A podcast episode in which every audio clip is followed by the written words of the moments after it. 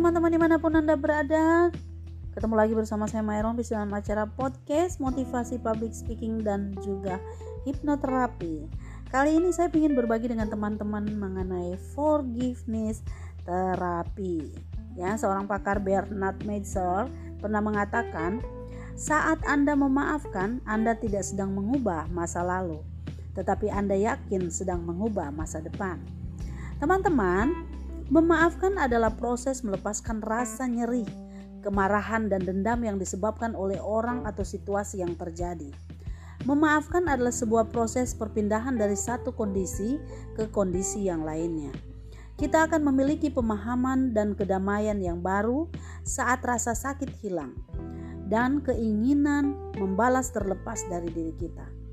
Memaafkan adalah keputusan untuk melepaskan dendam dan hasrat untuk melakukan pembalasan.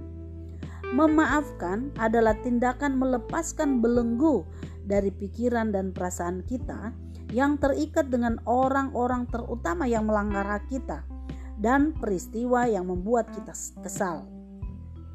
Kita jarang menyadari bahwa dengan menyimpan perasaan marah, sesungguhnya kita hanya menyakiti diri kita sendiri Teman-teman, kemarahan yang muncul dalam diri kita biasanya karena kita mempersepsi ada orang lain atau ada situasi yang melakukan ketidakadilan, kemudian kita lebih memilih menjadi korban. Pikiran ini memicu perasaan marah, kecewa, geram, dan putus asa. Sebenarnya, perasaan ini wajar adanya.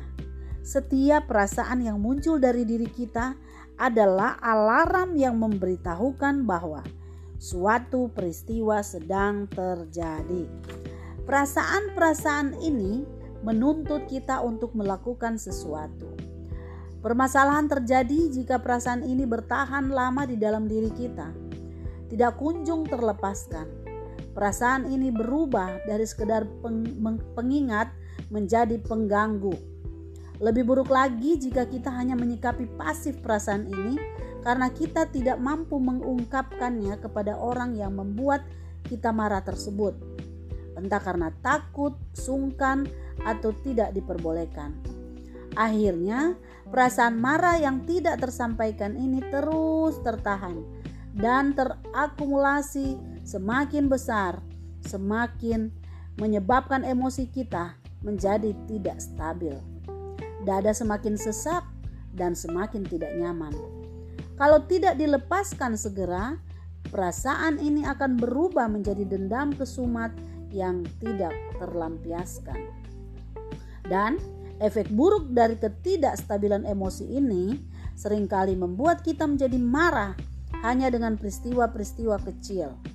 Kesalahan kecil yang dilakukan seseorang kita seolah-olah menjadi hantaman besar pada harga diri kita. Jika yang berbuat salah itu berada dalam otoritas kita dan kita merasa mampu meluapkannya. Kemarahan yang terluap itu sering melebihi kadar kesalahan dari si pelaku.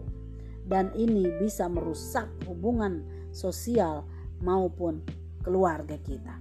Nah, teman-teman, uh, saya akan melanjutkan dengan teknik bagaimana cara untuk melepaskan marah atau memaafkan dengan menggunakan teknik hipno atau self hypnosis dalam episode selanjutnya. Nantikan teman-teman, kita akan ketemu lagi dalam self hypnosis. Bye bye.